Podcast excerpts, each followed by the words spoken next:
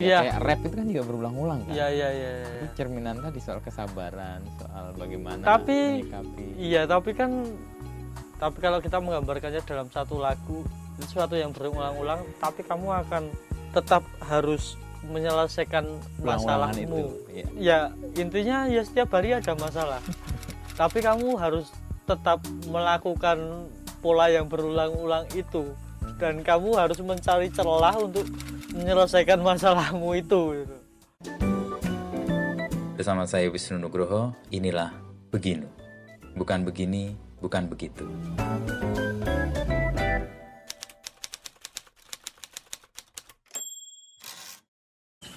Terus sekarang nggak ada apa-apa jar. Kemarin kan itu ya puisi buat adik itu ya. Cerita apa sih? itu? Puisi untuk adik Nah, puisi untuk adik. ya itu puisi yang bapak tulis buat kedua adiknya sebenarnya Mhm. Eh, ya buat Lek Nasri sama Lek Wahyu itu tadi Mhm. karena kondisi keluarga yang cukup sulit waktu itu Mhm. mungkin apa ya juga karena mbahku bapaknya bapakku. Pak, Pak Kemis ya. ya Pak Kemis. Ka- aku panggilnya itu Mbah Wito. Mbah Wito. oh, oh, Mbah Wito itu dia cuman eh, supir becak gitu. Dan mungkin ada apa keterikatan dengan tulisan-tulisan bapak yang lain gitu. Mungkin karena pada waktu itu sudah mulai muncul banyak bis kota angkutan umum yang Menggusur. akhirnya Mhm. eh, menggusur apa Angkutan-angkutan yang sebelumnya ada. iya dan akhir- otomatis itu apa namanya meng- mengurangi pelanggan dan Ya persis. eh, berdampak pada kerugian ya ke- kerugian dalam bentuk ekonomi itu tadi Mhm. dan ya mungkin dari situ sadar bahwa ya ini cuma analisaku gitu loh Membaca setelah sekian lama ya. Ah, ah, Ah. setelah setelah membaca apa yang ditulis itu Mhm. bahwa di situ juga posisinya bapakku masih mungkin dia sadar kalau hidup lagi susah-susahnya pada waktu itu Mhm. dan dia berperan sebagai kakak, Kakak pertama. Mhm. dia seperti men- mencoba tegar di dalam kondisi yang tidak baik-baik saja itu Mhm. dengan dengan cara memotivasi adik-adiknya Oke. untuk Tetap berjuang ya. untuk tetap berjuang Melawan. Nah, itu Ah. kata-kata yang khas Bapak itu. ya itu aku suka melawan di puisi itu karena itu ditujukan untuk suatu ketidaktahuan ya mungkin mungkin jadi jadi itu hal yang membuat aku tertarik untuk memusikalisasikan Puisi itu. puisi itu Mhm. eh, karena ketidaktahuan itu adalah kemiskinan yang membahayakan gitu. Hmm. Mhm. Jadi dari situ juga aku merasa aku juga harus belajar banyak hal lagi di Untuk tahu ya, dan tidak Untuk- terjebak dalam kemiskinan yang membahayakan. Iya. Makanya di betul. simbol ada anak kecil yang sekolah. Itu Ya. salah satu yang di mau diungkapkan soal itu. Iya, dan aku sedikit memasukkan cerita asli di dalam Klip itu. eh, klip itu, di mana sebenarnya waktu itu bapak keluar sekolah, lalu dia memutuskan untuk Tidak lanjut sekolah. tidak lanjut sekolah kerja serabutan untuk eh, membiayai adik-adiknya Ah, sekolah. Mhm. seperti itu gitu loh. Nah kenapa memilih lagu itu juga? Karena aku pikir kita di dalam kondisi seperti ini rasanya itu hal yang bisa dihubungkan gitu loh bahwa- Relevan lagi gitu ya. Iya, Ah, itu itu itu akhirnya bisa jadi relevan lagi Hmm. karena banyak faktor yang akhirnya membebani gitu loh Mhm. Orang menjadi sulit, perubahan yang membuat orang iya kehilangan ba- ba- ekonomi. ba- banyak banyak hal yang akhirnya orang itu terdampak dan akhirnya hidup dalam kesusahan gitu loh Mhm, mhm. dan kita ternyata adalah adik-adik dari tulisan itu untuk menggambarkannya kira-kira seperti Iya, Konteks itu. barunya tetap ada Nah, gitu ya. ah, konteks barunya tetap ada bahwa memang kita sebisa mungkin harus berupaya untuk mencari solusi atas apa yang terjadi di tengah-tengah ini gitu. Mhm, mhm. Ya setidaknya selamatkan pikiran kita dulu dari dari dari eh, hal-hal yang negatif seperti itu gitu loh.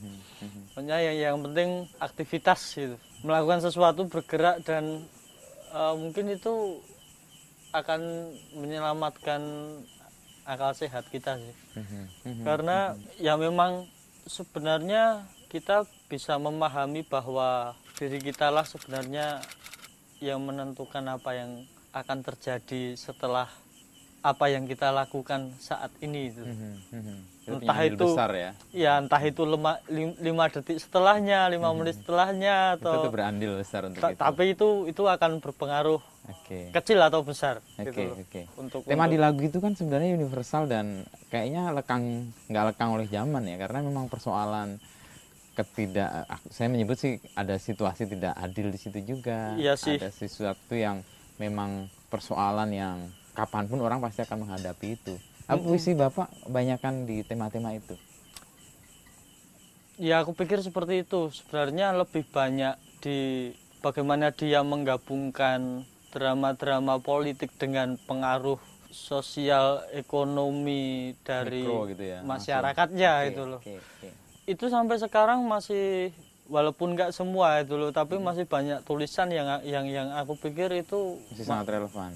masih masih sangat-sangat relevan Iya, iya, untuk iya. untuk untuk dibacakan atau disampaikan gitu loh. Persis. Tadi tema yang Fajar ceritakan soal beca digusur oleh atau nggak digusur ya eh, terganggu oleh hadirnya angkutan umum dan Ya. sebagainya. Sekarang kan juga lalu muncul aplikasi-aplikasi itu, lalu aplikasi Iya, itu- juga akhirnya itu- terganggu juga yang lain juga. Itu hal yang sama dengan latar belakang yang berbeda. Iya betul. Ya, Dan itu yang bapak selalu menjadi energi kan untuk mengingatkan Hmm. bahwa ada persoalan itu.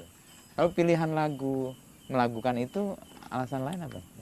Atau ada lagu lain yang mau dibuat juga dari puisi?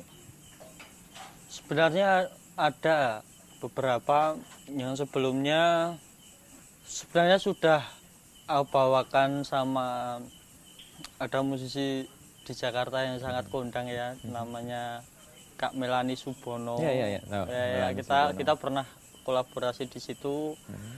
dengan membawakan puisi Bapak yang judulnya Sajak Suara. Mhm. Di Nah, musikalisasi juga. Iya, itu itu itu musikalisasi juga. Tapi itu malah justru apa ya? eh, menggelitik aku untuk membuat kumpulan puisi Bapak yang terbaik versiku Oke. lalu untuk untuk di, Jadi di ya di diadopsi untuk menjadi sebuah lagu gitu. Oh, Oke. Nah, itu awalnya aku coba untuk mengaransemen ulang sajak suara itu. Mhm. Ada juga untuk D.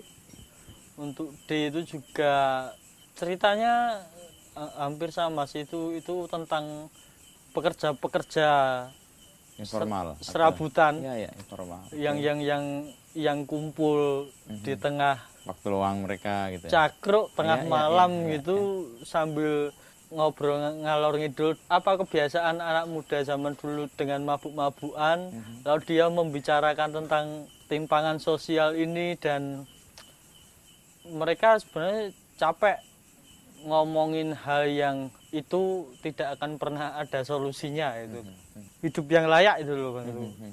ada ungkapan kalau sebenarnya ada kalanya kita muak untuk membahas ini dan lebih baik kita tidur saja kita lanjutkan besok kita kerja lagi Iya, iya, gitu. karena nggak ada solusinya dalam pembahasan Iya, itu. iya, iya. Itu yang untuk di itu.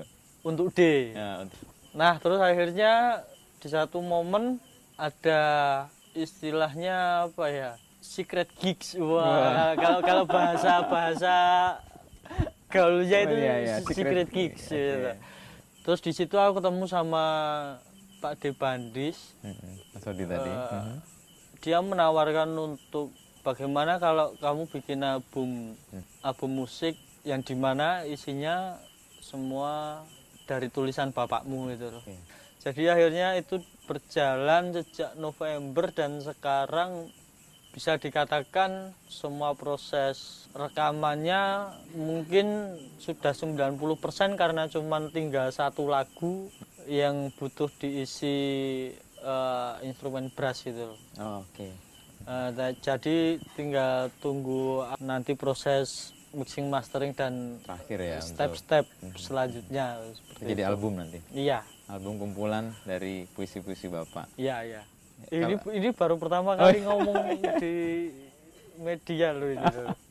Iya, iya. Ya, menarik sih. Fajar jadi pandemi membuatmu nggak punya banyak pilihan, lalu prioritas yang kamu lakukan adalah kembali ke dalam dan ke dalam adalah ketemu lagi dengan hal yang nggak jadi prioritas tadi, puisi-puisi Bapak yang Iya. itu. Iya, Itu puisi iya. lama yang orang nggak tahu atau puisi yang udah umum? Pasti Bapak punya banyak Iya, ya, Konten, tetap kan? tetap ada beberapa yang puisi-puisi populer ya tentunya ya, Mm-hmm. yang yang yang yang yang banyak orang tahu Mm-hmm. itu tulisannya Uji Tukul gitu. ya ya. cuman aku malah lebih tertarik kadang dengan hal-hal yang itu tidak berat gitu loh Hmm. kadar isunya gitu loh. kadar isunya Ya tema Bapak kan kalau itu kan soal negara, soal Oh, ya ya ya ya ya. politik ya, gitu. ya, ya. Itu menurut Fajar terlalu berat kadarnya. Iya, yang ya yang nggak berat. Sebenarnya gini loh mas, kalau kalau diibaratkan Oke, gitu loh, ya. diibaratkan aku ini seorang presiden di dalam proyek itu. Oke. Aku nggak punya juru bicara politik untuk menjelaskan apa yang terjadi di dalam tulisan itu gitu loh. Kalau politik itu ya ya aku tahunya hampir-hampir sama seperti kalau aku ditanya soal sinetron sebenarnya. Hmm. Jadi tipis-tipis saja gitu. Dengar dari orang atau orang tahu-tahu aja atau iya iya karena karena aku nggak intens di situ ya iya punya minat ter- terus besar. terang terus terang kalau browsing di internet gitu selalu yang dicari soal hal-hal yang berkaitan dengan seni gitu loh Hmm, mhm. walaupun akhirnya bersinggungan juga akhirnya bersinggungan juga Mhm. hal itu gitu loh Hmm. cuman beberapa orang mereka bisa melakukan itu semuanya gitu ya. multitasking gitu lah oke, ya oke, oke. Nah, ibaratnya aku aku bukan bukan tipe kayak gitu bukan tipe yang bisa memecah apa ya konsentrasi itu menjadi beberapa gitu ya Oke jadi tadi ada beberapa- prioritas mana yang mau dikerjakan mana yang Iya. enggak. ah Balik ke puisi-puisi Bapak. bapak itu tadi ya. Mhm. Jadi sebenarnya ada beberapa yang itu bersinggungan dengan politik, tapi mungkin itu aku paham Mhm. dan aku bisa mengucapkannya atau menjelaskannya kenapa aku harus mengadopsi puisi itu dan bagaimana situasinya ya ya itu tetap pasti aku akan mencari tahu ya. Eh, eh, cari tahu dan tetap aku akan la- lakukan itu loh. Hmm. Kan itu bagian penjiwaan juga kan? Iya karena karena pemahaman itu penting ya. Cuman pengen menegaskan bahwa kalau aku ha- hanya sekedar seorang anak yang yang bagaimana caranya memberi penghormatan pada bapaknya lewat musik yang aku buat yang di dalamnya ada tulisan-tulisan bapak itu itu aja Mhm. selebihnya nggak ada pikiran oh untuk gitu ya, ya untuk untuk sesuatu yang mungkin banyak disangka orang ya. gitu loh oke iya iya bahwa ada banyak semisal yang DM di Instagram atau eh, WhatsApp gitu. Kamu tuh salah satu contoh dari perubahan. Kamu harus melanjutkan perjuangan bapakmu itu. Mhm. Tapi ya aku pikir ya kita semua pejuang gitu loh. Mhm. Kita bisa berjuang dengan cara kita masing-masing. Persis, ya. Jadi jangan bebankan itu pada jangan Fajar Iya, Ah, karena mungkin aku akan mengecewakanmu Iya, iya. gitu loh. persis ya, Itu ya. aku aku akan mengecewakanmu lebih baik eh, mari bersama gitu ya iya kita kita kita menjalankan peran masing-masing Mhm, mhm. Kita sebagai manusia itu gitu aja. Dan aku ya cuman bagian dari itu semua gitu. bagian dari itu yang tugasnya itu eh, menyelar, menyelaraskan eh, nada dengan kata Hmm. SMA aku mulai denger lagu Nirvana dan mencoba ngobrol sama temenku yang jujur aku nggak bisa bahasa Inggris itu loh Mhm. Ngobrol sama temenku yang bisa bahasa Inggris terus aku suruh terjemahin apa yang Artinya apa ada gitu di ya? liriknya Oke. mengapa mereka nggak peduli dengan rima itu loh Hmm. Maksudnya nggak harus A B A B A A A A dan lain-lain gitu loh. Tapi kenapa itu nggak bisa diaplikasi Di diaplikasikan di bahasa Indonesia itu. Terus ketemulah beberapa band Indonesia itu sebelum sebelum sebelum aku buka tulisan-tulisannya Bapak ya. Contohnya itu ada Jenny. Jenny ya, Jenny. Jenny Farid Iya. ya ya ya Sekarang festivalis itu. Terus eh, efek rumah kaca, Khalil ya dialog dini hari. Mhm. Terus dari situ aku dengar liriknya, wah ini gila ini gitu loh. Oh, oke Maksudnya beda gitu ya nggak sekedar ya rima kayak gitu kayak ya. kayak itu itu itu semacam jawaban atas pertanyaan yang Atas gelisah tadi ya apakah yang- cuma cukup rima gitu? iya Ah, itu oke, oke. akhirnya coba belajar dari bapakku kan penulis gitu kan oh baru itu callingnya ke situ iya atau panggilan itu ke callingnya ke situ itu Oke. sangat sangat egois sekali oke itu oke oke sebenarnya tidak peduli dengan apa apa sejarahnya ya ya gitu. bapak kan penulis ya udah Oh, langsung kembali ke situ Oh ya bapakku penulis. Siapa tahu aku baca tulisannya nanti aku bisa bikin lagu yang seperti itu. Nah, oke. Nah, Karena pada waktu itu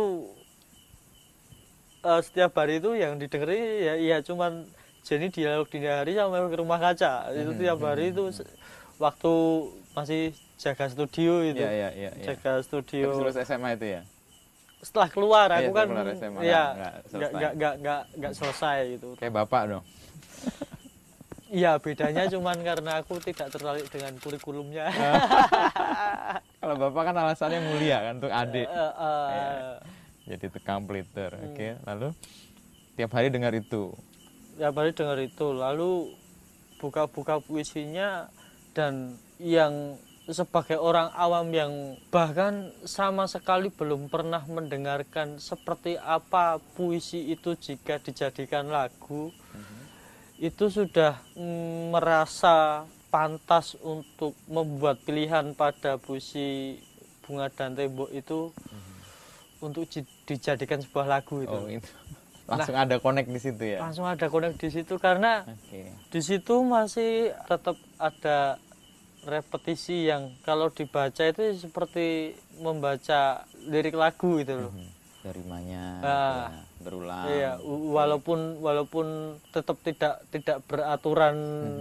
Nggak ada unsur nggak beraturan Ah, ya? ah, ah, tetap tetap ada unsur nggak beraturannya itu yang membuat membuat iya jawaban atas tadi. Iya, iya iya iya, yang membuat tertarik itu loh. Nah, oke oke. Ya lalu dari situlah akhirnya jadi lagu bunga dan tembok itu mas. Mhm. Nah, di situ tahu terusan keterusan ketagihan bikin lagu itu gara-gara pertama itu Iya. bikin itu. Bunga dan tembok itu. Oke. Banyak untuk untuk apa ya apa lebih banyak membaca cerpen-cerpen novel-novel atau mungkin ya kumpulan-kumpulan puisi yang mungkin aku di situ bisa menemukan kata yang pas untuk mewakili apa yang ingin aku sampaikan lewat lagu gitu. oke itu ketemu di puisi atau di Iya, iya, di novel tulisan-tulisan Tulisan. itu. oke Gitu. dari tulisan bunga dan tembok itu apa yang membuat Fajar terus kemudian connect ah ini nih kalimat atau paragraf atau kata Ya itu sebenarnya aku sedikit sedikit edit oke untuk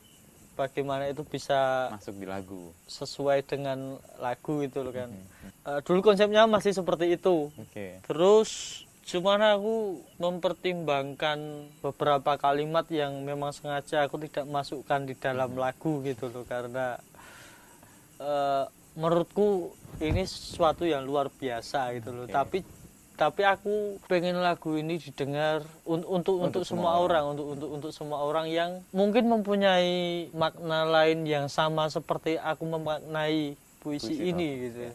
Ke- karena di situ aku pikir bunga itu adalah hak rakyat dan tembok adalah sistem-sistem yang membatasi kebebasan rakyatnya gitu loh. sehingga nggak mendapatkan haknya itu Iya.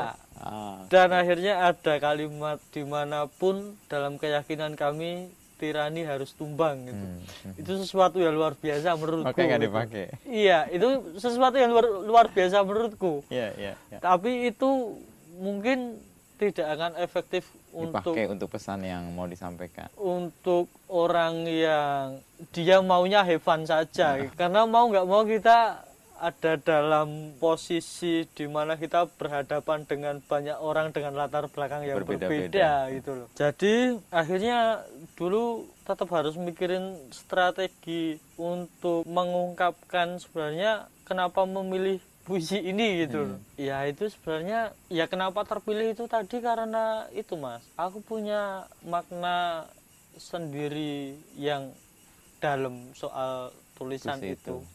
dan personal ya itu ya. dan itu sangat-sangat personal gitu loh dan aku orangnya itu sangat-sangat tidak semudah kebanyakan orang untuk untuk melupakan buah kesalahan gitu loh Mas. jadi teringat pasti jadi itu pasti akan menjadi Membekas beban ya. Oke, gitu loh oke. jadi kayak semisal aku mempunyai pertanyaan bagaimana caranya untuk menghindarkan diri dari kebencian atau dendam kepada orang gitu-gitu toh.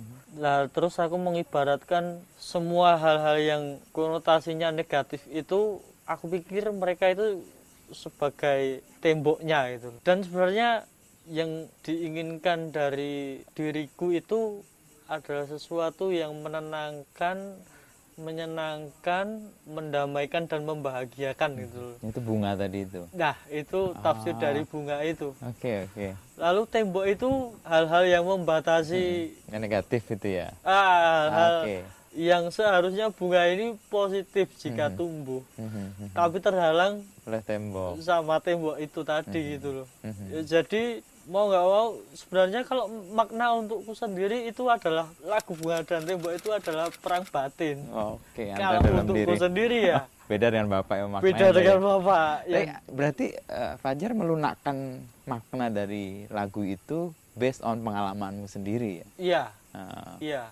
Kalau Bapak kan lihat bunga dan tembok, oke, bunga sesuatu yang positif, tembok yang menghalangi. Untuk bisa positif tumbuh, tumbangkan temboknya. Fajar tidak dalam posisi itu. Tidak dalam posisi Oke. itu mungkin mungkin dalam konteks yang berbeda dan dunia yang berbeda itu mungkin Oke. mas Mhm, mhm. kalau konteksnya bapak lebih ke sosial Sistem yang besar gitu sistem ya. yang besar maksudnya Fajar. lingkaran yang besar aku lebih ke Dalam. sesuatu yang personal lingkaran kecil dan itu kita sama-sama mendambakan perubahan gitu loh Mhm, mhm.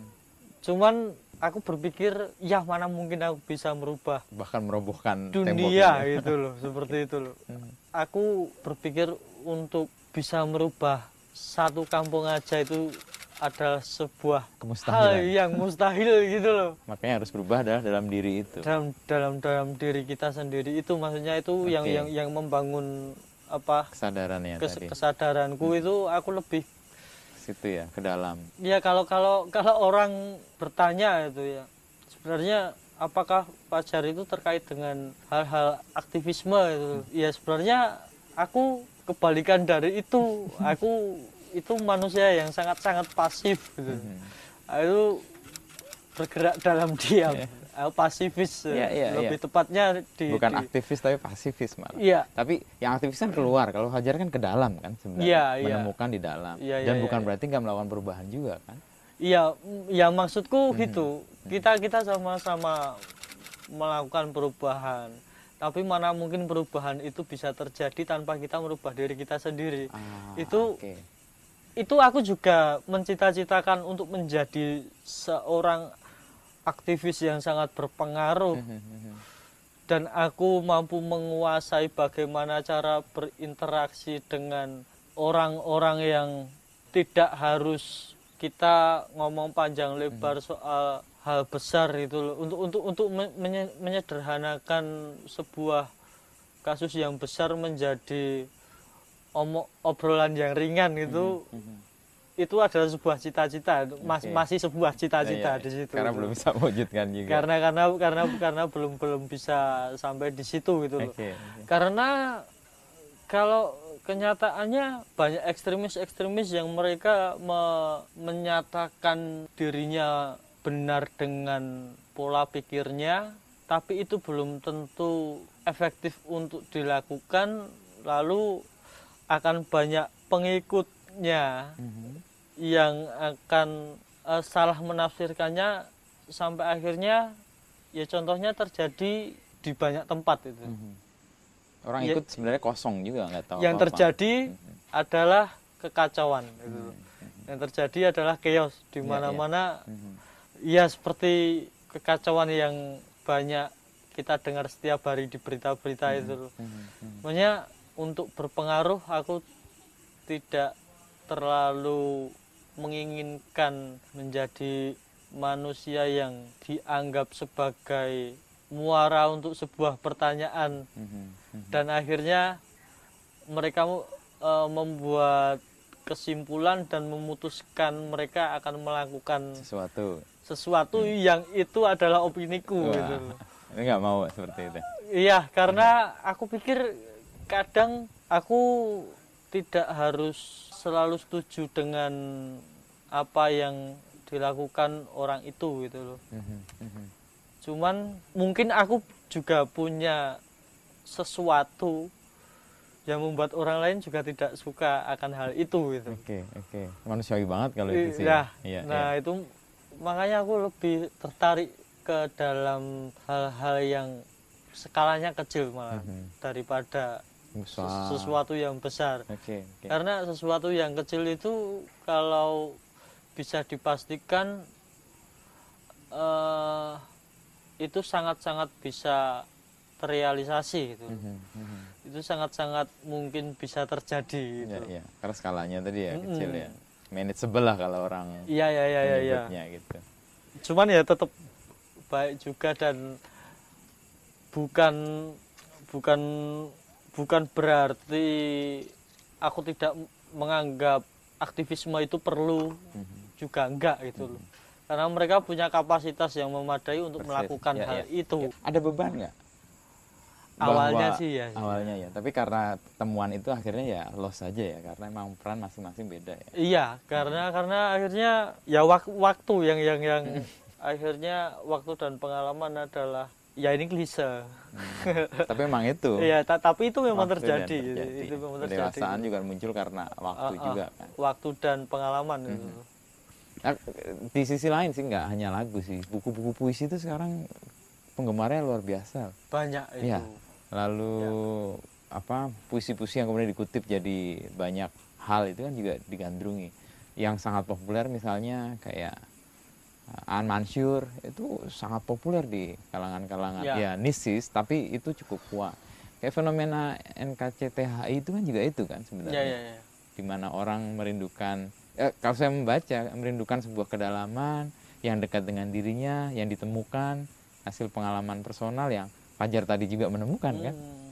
akhirnya bukan aktivisme tapi ini pasifisme tapi Ya, ya itu bagian dari pergerakan yang ditugaskan mungkin ya atau dibag apa ya ya bagian dari perubahan yang besar tadi itu Ya jadi agak rumit juga kalau soal apa ya konflik dunia itu kan sa- sangat kompleks sekali gitu loh. Ya. Ya pada dasarnya itu tadi sih apa kalau aku udah seperti merasa harus hidup bersama musik dan musik itu adalah bagian dari kehidupan gitu loh. karena aku salah satu orang yang bisa dikatakan tidak terpelajar secara formal gitu loh. Tapi aku banyak belajar hal itu dari kehidupan langsung. dari musik. Oh dari musik ya. Dari musik. Maksudnya dari seperti apa kondisi sosial di era 2008 2009 itu aku tahu situasinya karena musik. ada band efek rumah kaca sem- sem- Ah, iya, semisal iya, iya. seperti itu Oke, iya, iya. ya semisal ada bagaimana cara bekerja koruptor itu terjadi itu karena lagu mafia hukumnya Nafikula Ah, se- oke, seperti oke. itu Iya, iya, iya. jadi apa ya musik itu sangat-sangat penting untuk kehidupanku aku pikir gitu dan akan menggunakan itu untuk jadi saluran musik yang Fajar buat untuk kehidupan orang-orang lain juga harapannya. Harapannya. Itu harapan yang Oke. ditujukan pada diri sendiri gitu loh. Karena pada dasarnya ini sesuatu yang sangat tidak akan mendorong popularitasku gitu loh. nah entah kenapa aku menutup kemungkinan itu gitu loh. Karena aku ingin bermain musik layaknya binatang malah. Mereka lakukan apa yang mereka, mereka mau. lakukan gitu. Oke. Kayak ini nih bermusik nih ya. Iya. Oke ini. nih yang baru kita Iya. dengar dia nggak peduli orang suka atau enggak itu iya iya Cuman kenyataannya ada penggemar suara tokek sih, Ada. ibaratnya gitu. bahkan ada yang ngitungin kan ini ganjil atau dia. genap ya, ya. Strategi marketing itu kadang juga jujur saja kita harus agak melebih-lebihkan sesuatu ya. sesuatu untuk untuk iya biar orang tertarik kan ya untuk untuk menarik perhatian dan orang. Fajar nggak mau melakukan itu Eh, beberapa hal dilakukan tapi itu dengan agak terpaksa Oke, seperti oke. itu. karena bukan dirimu ya bukan Iya, bukan iya. itu jati diri yang mau diwujudkan Iya. dengan peran kayak gitu musik menurut Fajar itu apa kalau Fajar kan belajar kehidupan dari musik ya bukan dari pendidikan formal kalau musik sendiri kamu alami dan kamu lakukan itu sebagai apa musik itu sebagai sebagai guru sebenarnya di situ karena di dunia ini banyak sekali jenis musik dan setiap musik yang ada itu mempunyai makna dan ada hal-hal yang kalau dalam bahasa Jawa itu laku oh, oke yang pasti akan ada konsekuensinya kalau dilanggar seperti itu. Maksudnya yang musik itu seperti guru karena mereka karena musik itu mengajarkan banyak hal sih menurutku. Nah, di situ kita sadar kalau di dalam aku mengibaratkan kalau kita membentuk sebuah band kita kita akan membentuk pertama-tama kita membentuk lingkaran sosial lalu mengerucut ke skala keluarga dan betapa beratnya itu bisa terjadi gitu loh. Dan di situ juga ada bisnis. Di situ juga ada manipulatif. Dan di situ juga ada kenyataan juga. Di situ ada banyak karya-karya hebat yang banyak membuat orang sukses misalnya gitu. Tapi di situ ada kesadaran bahwa itu sudah bagian dari bagaimana si musisi itu memberikan sesuatu yang berarti untuk musisi lainnya gitu. Kayak seperti musik-musik Jawa atau musik-musik blues, musik-musik terutama maaf itu apa? musik-musik yang di Amerika dikategorikan sebagai musik-musik kulit hitam.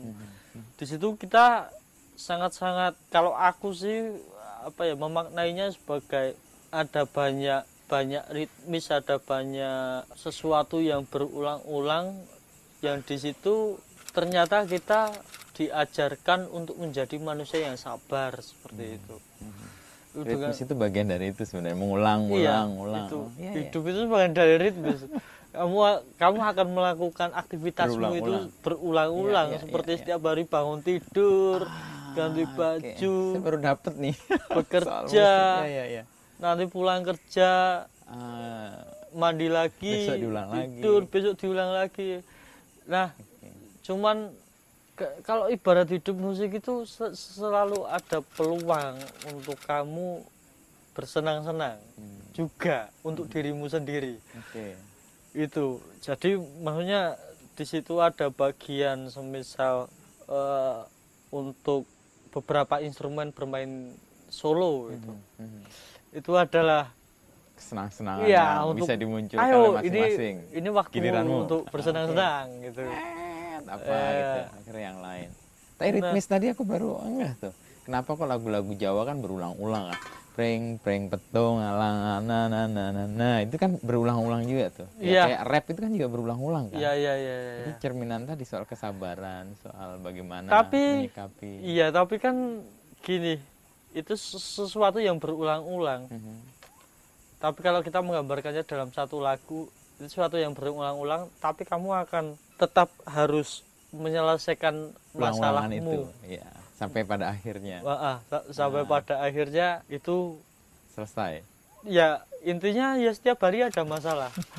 tapi kamu harus tetap melakukan pola yang berulang-ulang itu Mhm. dan kamu harus mencari celah untuk menyelesaikan masalahmu itu gitu. seperti itu mas Iya, iya, iya. jadi iya. ya Makanya dalam proses kreatif juga tidak ada beban juga untuk misalnya nama besar, orang tua dan sebagainya. Fajar ya mengalir aja begitu. yang mengalir aja mas Mhm. Tapi buat Fajar keuntungan atau kerugian bahwa Fajar diidentikan dengan eh, bapak ya dua-duanya itu seimbang sih terkandung ya di dalam itu. terkandung di dalam itu karena kalau keuntungan kalau ibarat itu pintu itu adalah jalan peluang untuk aku membuka banyak apa masuk ke dalam dunia di mana di situ aku banyak relasi Ya, sudah ada audiens lah ya, Ya, setidaknya. marketnya. sampai walaupun menyebalkannya walaupun aku nggak tahu ini ya gitu tapi tapi tapi terkadang itu akan menjadi beban ketika aku akan merasa tidak dianggap itu ada ketika aku membawakan di mana itu aku yang bikin karya gitu loh Mhm, mhm. yang secara pure itu semua aku yang bikin gitu cuman ya seperti itulah kehidupan gitu loh Iya, ya, ada eh, positif, ada negatif, ada menguntungkan, ada merugikan, tapi itu Nah. bagian dari siklisnya ya. nah itu malah justru menurutku efek aku adalah anaknya Wiji Dukul itu ya malah di situlah ranah populer terjadi sebenarnya malah apa yang aku lakukan itu ada di bawah tanah sedangkan itu eh, sesuatu yang kebalikan karena apa yang ditulis bapakku ayah mungkin zaman itu Itu di underground semua. Dan Dia- nggak ada yang kena. iya. Tapi sekarang malah di ranah populer tuh kayak. tidak populer itu sesuatu yang Makanya saya ngeliat peran. Fajar justru justru tadi meskipun melunakkan tapi justru meluaskan kan. hmm, Yang tadinya orang nggak tahu, nggak peduli, bahkan mungkin ada uh, puisi-puisi yang kita nggak tahu yang nggak pernah dipublikasikan atau nggak pernah Ya. disiarkan oleh Bapak. Fajar punya kesempatan untuk melihat itu dan kemudian dapat panggung baru atau ruang baru atau audiens baru ya di situ. iya sih mas Mhm, mhm.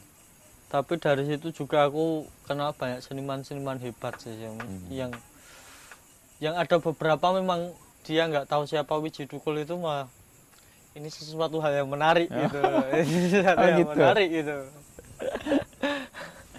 karena aku akan kenal kamu sebagai kamu dan aku sebagai aku gitu. Iya itu itu pasti mengembirakan Iya, apalagi iya. kita sebagai orang yang sedang berproses mencari Iya. identitas kan. Tapi eh, saya sendiri sih punya punya ekspektasi kamu harus melekatkan bapakmu. Ekspektasi ya namanya ekspektasi. ya. Saya Iya, bisa kecewa ya. Kenapa? Karena itu peringatan paling nyata untuk siapa pun yang berkuasa bahwa ada persoalan yang belum selesai. ya ya yang menurutku dengan dengan adanya aku di dalam dunia permusikan Hmm. itu tanpa harus ngomong pun sebenarnya itu sudah bisa menging- mengingatkan Ah, tanpa harus memberi embel-embel. iya itu. tanpa aku harus ngomong Iya, iya. bahwa Itu ada karena kuatnya itu kan. ada ada ada ada sebuah kasus yang belum selesai sampai sekarang gitu Hmm.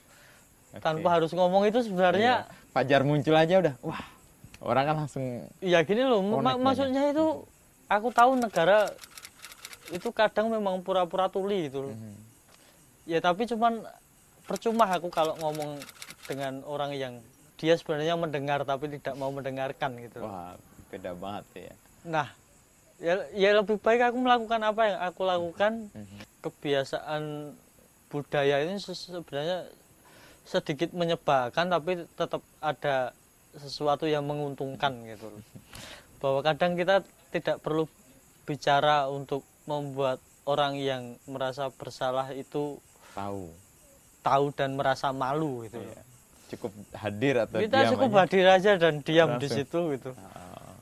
Itu pilihan-pilihan yang ambil iya kadang ya? cuman untuk semisal semisal gitu ya ada tokoh-tokoh orang di balik hilangnya bapakku atau kejadian di mana bukan hanya bapakku yang hilang di situ aku ada kesempatan untuk main di situ saja mungkin aku nggak perlu bernyanyi di situ.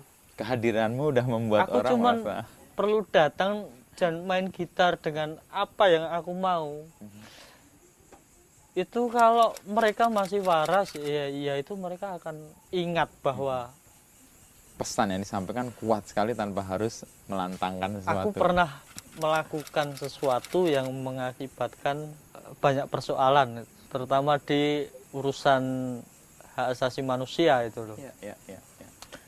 karena ada teman-teman eh, bapak yang masih sekarang masih hidup itu itu yang memang masih banyak yang konsisten untuk Berjuang dengan berjuang dengan keyakinannya bahwa temanku belum kembali tapi di lain sisi juga ada pengkhianat yang dia masuk di dalam kekuasaan. kekuasaan yang dulu ditentangnya dan dan ya seperti itulah itu loh, permainan itu loh. Dan aku lebih baik tetap jadi musisi bukan menjadi penonton permainan itu dan atau menjadi bagian dari pemain itu gitu. Jadi kayak menjadi di orang luar, tapi di menjadi orang di luar itu memberikan pesan yang kuat juga sebenarnya kehadiranmu itu kan. ya mungkin ya Mas Ini, ya. ya, ya, bisa jadi. Ya, mungkin mungkin. Eh, Kalau komentar eh, tadi udah keluar ya, orang yang kita kritik atau bapak kritik dulu sekarang ada di kekuasaan dan nggak berbuat apa-apa, mungkin ya saya mau men- menjawab pertanyaan ini dengan apa yang di Fajar sebut tadi, nggak berharap sesuatu pada orang karena akan kecewa juga. Iyalah. Itu juga jadi posisi Fajar juga. Iya dalam posisiku. Karena malah aku lebih merasa bertanggung jawab dan ini sampai sekarang masih menjadi beban untuk bagaimana setiap hari aku bergelut dengan diriku sendiri untuk bagaimana bisa membahagiakan setidaknya ibuku.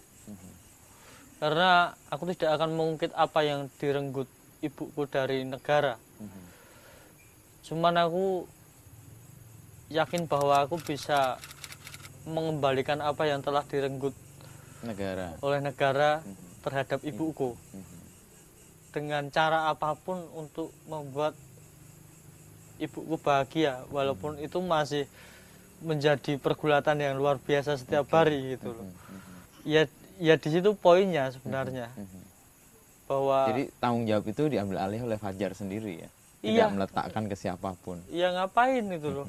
Maksudnya karena urusan politik itu permainan yang kalau itu ibarat permainan bukan permainan yang aku senangi itu jadi untuk sekedar menonton Itu pun nggak tertarik. itu pun nggak tertarik itu Kayak sinetron tadi tipis-tipis itu. ya seperti kayak seperti sepak bola mas Oke, oke. sepak bola itu aku bukan orang yang suka, Suka sepak banget. bola Tapi Ta- ya dengar tapi aku selalu suka dengar perdebatan antara fans A dan fans B itu membela klubnya itu itu, Itu kayak politik kayak gitu iya memang. itu politik seperti itu itu permainan yang aku tidak suka tapi aku suka dengan perdebatan dengar orang. dengan penontonnya dengan apa yang dilakukan pemainnya seperti itu. Kocak juga ini membuat eh, seorang yang punya darah atau gen dari bapak yang berjuang di politik melihat politik sesuatu yang berbeda sama sekali dan fine sih cara untuk melihat itu juga. walaupun itu berpengaruh besar ya mas ya Mhm. cuman maksudnya belum ada yang bisa di apa ya untuk untuk kita menaruh kepercayaan kepada orang itu bahwa dia bisa memastikan bahwa seluruh makhluk yang hidup di Indonesia ini mendapatkan kehidupan yang layak itu Mhm. ya bukan cuman manusia toh Iya, iya, iya. itu kan ada ada banyak apa faktor yang bisa membuat kehidupan ini terus berputar Mhm, mhm.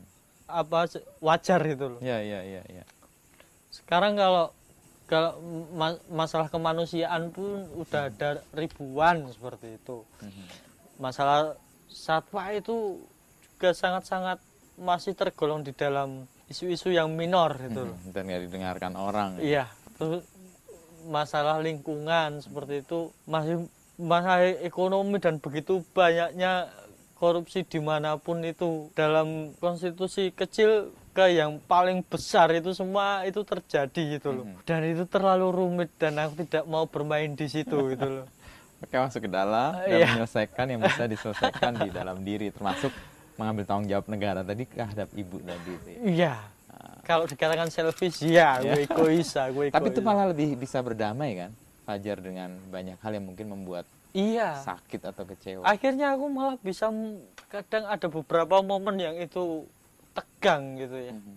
itu aku terkadang merasa apakah ini pantas untuk aku tertawa dia di situ gitu loh Di momen itu. di momen itu gitu loh. ini sebuah perebutan kursi yang di mana ya ini agak ngawur sih mas ya Mhm. Ka- karena ya memang aku orangnya suka yang ngawur dan eh yang penting itu membahagiakan gitu jadi masa untuk apa mempermasalahkan uang begitu banyaknya tapi lupa bahwa ada begitu banyak pohon yang ditebang sekarang uang itu dari mana asalnya gitu. uang itu hanya sebuah simbol untuk kamu bisa mendapatkan sesuatu gitu. Mhm. tapi manusia begitu liciknya dia dia butuh lebih dari hanya sekedar oksigen Mhm. Dan karbon dioksidanya dari sebuah pohon itu Mhm. sampai akhirnya banyak penerbangan liar yang mana tahu Ya. itu bahan untuk bikin uang. Mhm. Mhm. Ya, connect juga. ya. Ini ngawur-ngawur tapi. Ini ngawur-ngawur, aku Iya, suka iya, ngawur-ngawur iya, yang iya, gitu, iya, Mas. iya, iya. Nah, terus orang-orang mempermasalahkan uang, tapi mengapa mereka tidak pernah mempermasalahkan hutan? Pohon yang ditebang. Ya.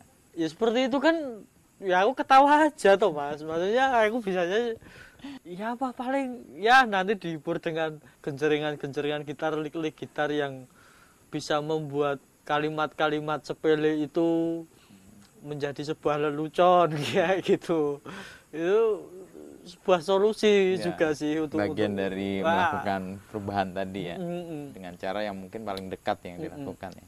Oke. karena ada yang ada ada satu hal yang yang membuat aku tertampar sebenarnya dari seniman Solo yang beberapa waktu lalu itu meninggal dia penari kontemporer mungkin pernah dengar namanya Mbah Prapto eh, Prapto. Oke. almarhum dia Mhm.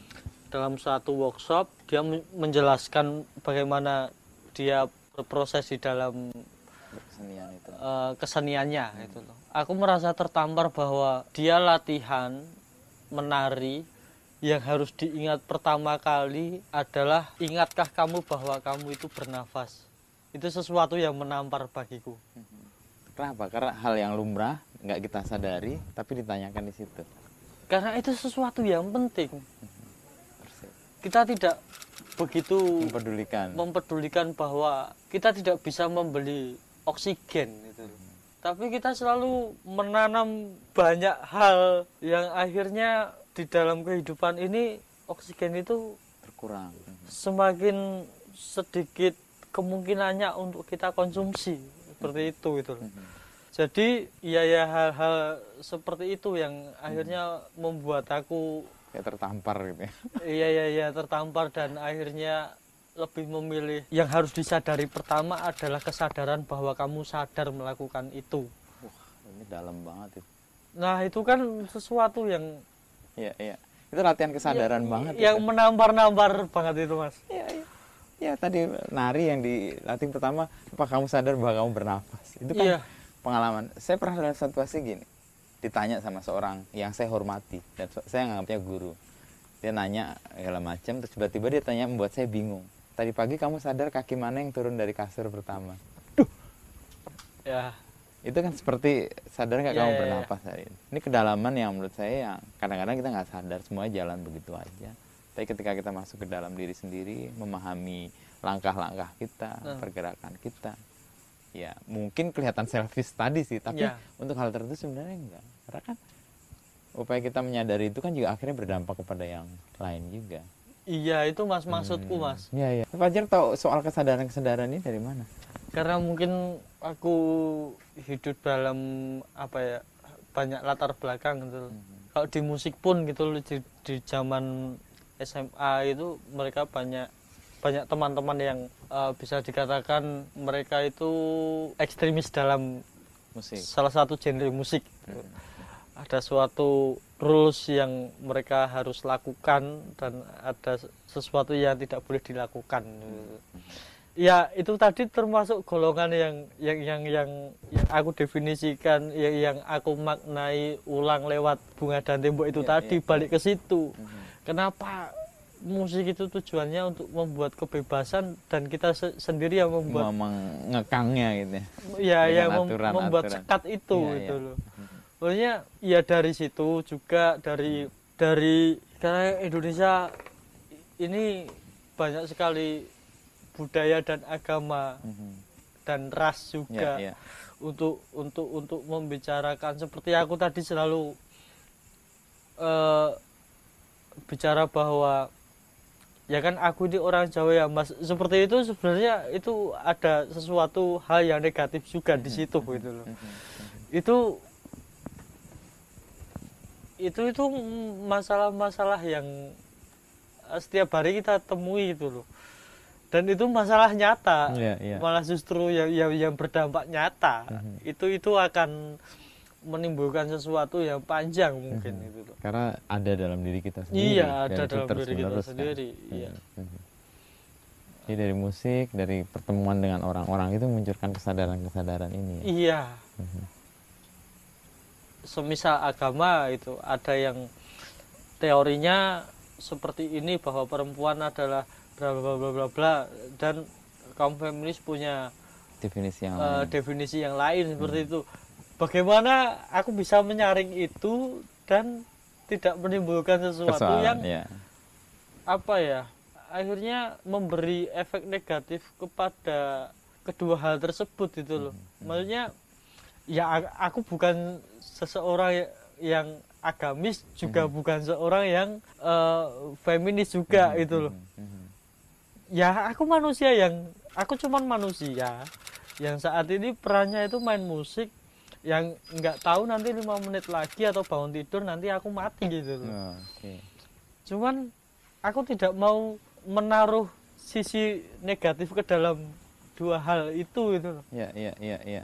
jadi aku harus menyerap itu aku setiap kali ada Sesuatu obrolan yang baru itu sesuatu itu menyerap. me- aku cum aku selalu menyerap dan aku cenderung banyak diam Mhm. sambil mendengar dan memahami. sambil dengar dan memahami dengan bahwa eh, akhirnya nanti mungkin di di lain di lain waktu baru paham. aku baru paham bahwa sebenarnya ini masalah personal Mhm. dia punya trauma bla bla bla bla bla bla ya dibawa ke masalah yang ini Mhm. begitu juga dengan orang-orang agamis yang mempermasalahkan Mhm. feminis begitu juga itu itu masalah personal semua itu sebenarnya tapi, Tapi ya, butuh itu takes time kan, butuh waktu. Iya, butuh waktu. Dipahami dan secara natural akan keluar sendiri. iya ma- makanya aku aku apa ya lebih lebih banyak lebih banyak menyerap Nah, daripada apa membuat keputusan lalu menyimpulkan lalu menjawab saat itu juga Iya, iya. itu soal tadi nyerap nih terakhir nih mungkin ya, Mas eh, Fajar. Kan kesadaran tentang Bapak kan baru muncul 2012-2013 itu. Ya. Lalu apa yang diserap dari kesadaran itu yang muncul? Kalau proses kan Fajar ngelihat kayaknya sesuatu ya diserap dulu, kemudian kemudian muncul sesuatu butuh waktu gitu. ya Dari pengalaman menyerap perjalanan atau karya-karya Bapak gitu. adalah kesabaran untuk memahaminya mas. Kesabaran untuk memahaminya. kesadaran untuk memahaminya. Karena kalau terburu-buru di situ mungkin hmm, itu akan memperpanjang konflik yang ada sih menurutku. Oke. gitu. Dan kesabaran memahami itu mengurangi konflik itu sendiri? Sebenarnya enggak.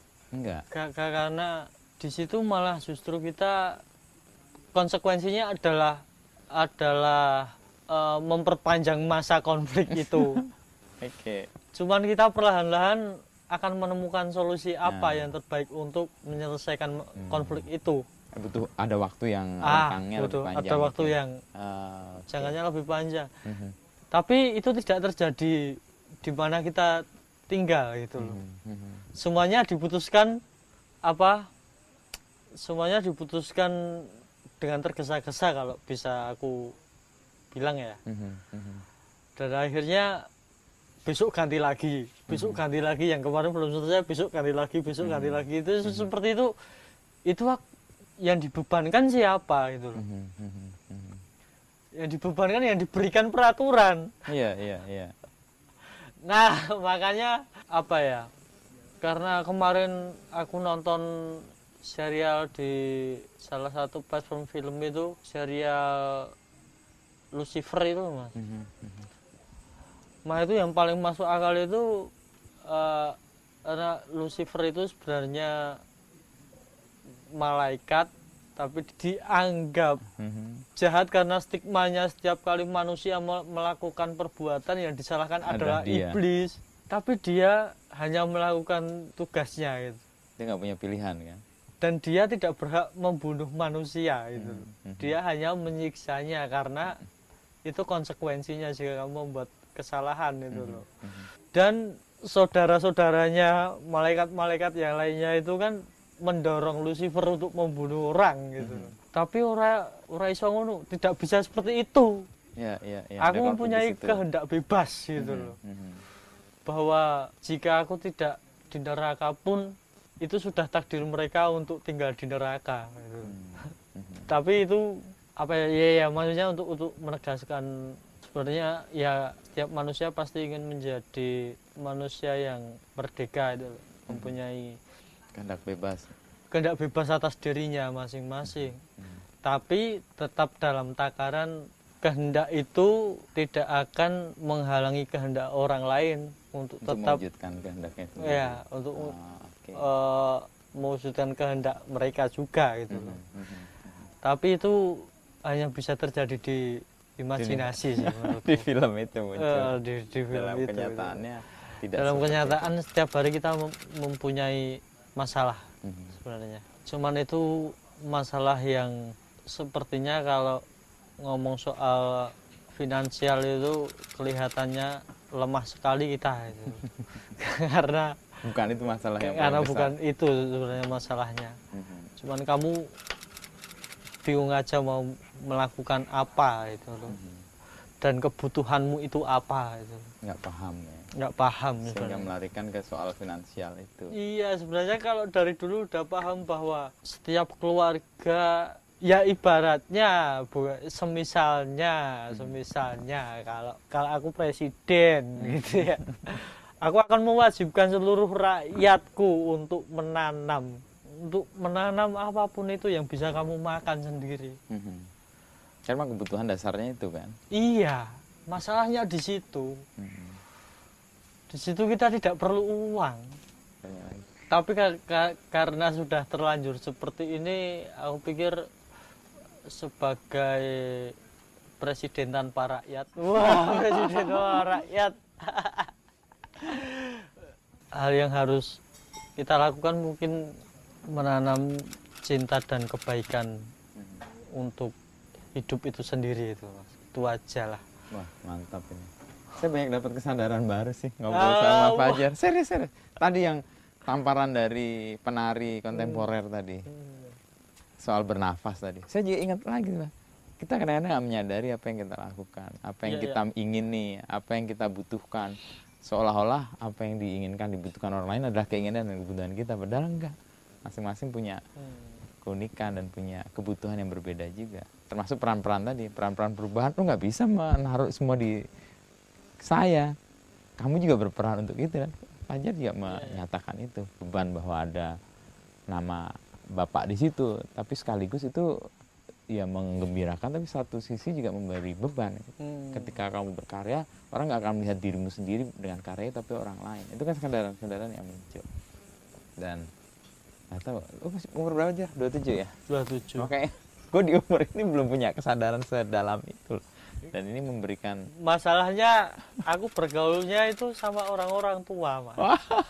Mungkin mereka menelurkan atau mewariskan kesadaran itu ke iya aku dirimu. jarang cocok dengan umur yang seusi, umur yang seumuran. yang sepantara ah, oke I- oh Iya. masuk akal gue baru paham aku nggak kok tahu kenapa kenapa kok itu. bisa punya kesadaran kesadaran iya itu makanya aku tergolong eh, ada di posisi mempunyai sedikit teman Mm-mm. yang umurnya sepantara sebaya Ah, umumnya Iya. yang lain adalah yang di atasnya. Ya. iya iya iya iya. Ya mungkin di situ. Iya. transfer kesadaran atau transfer Transfer. kebijakan itu muncul di situ. Iya iya iya. Ya, ya. oke. Ya minimal ada dua tiga tahun di atasku lah. Ya ya, ya. minimal minimal. Berarti lebih dulu mereka punya pengalaman iya iya kan. iya iya. tadi yang menampar siapa? Mbah. Mbah siapa penari tadi? Mbah. Ke Mbah Prapto. Mbah Prapto ya Mbah itu tuh itu pengalaman berkesadaran yang paling mendasar itu soal nafas iya itu menari itu situ akhirnya Iya, iya, iya, iya. menyadari itu itu suatu yang vital sebenarnya Mhm. untuk menyadar menyadari bahwa kita hidup itu adalah sesuatu yang sangat berharga Sangat berharga. penting Sangat dan sangat penting. kita butuhkan kadang-kadang kita nggak aware soal itu ya dengan kondisi apa pun ya iya ya mau sedih mau senang mau gembira mau menangis itu bahwa kita bernafas itu kesadaran yang paling hakiki. Oke Jar. Yoi, mas. Thank you. Kita baru Sama-sama, bertemu- Mas. ketemu terus kemudian bisa ngobrol sedalam ini. Oke. Malam-malam. Yuk.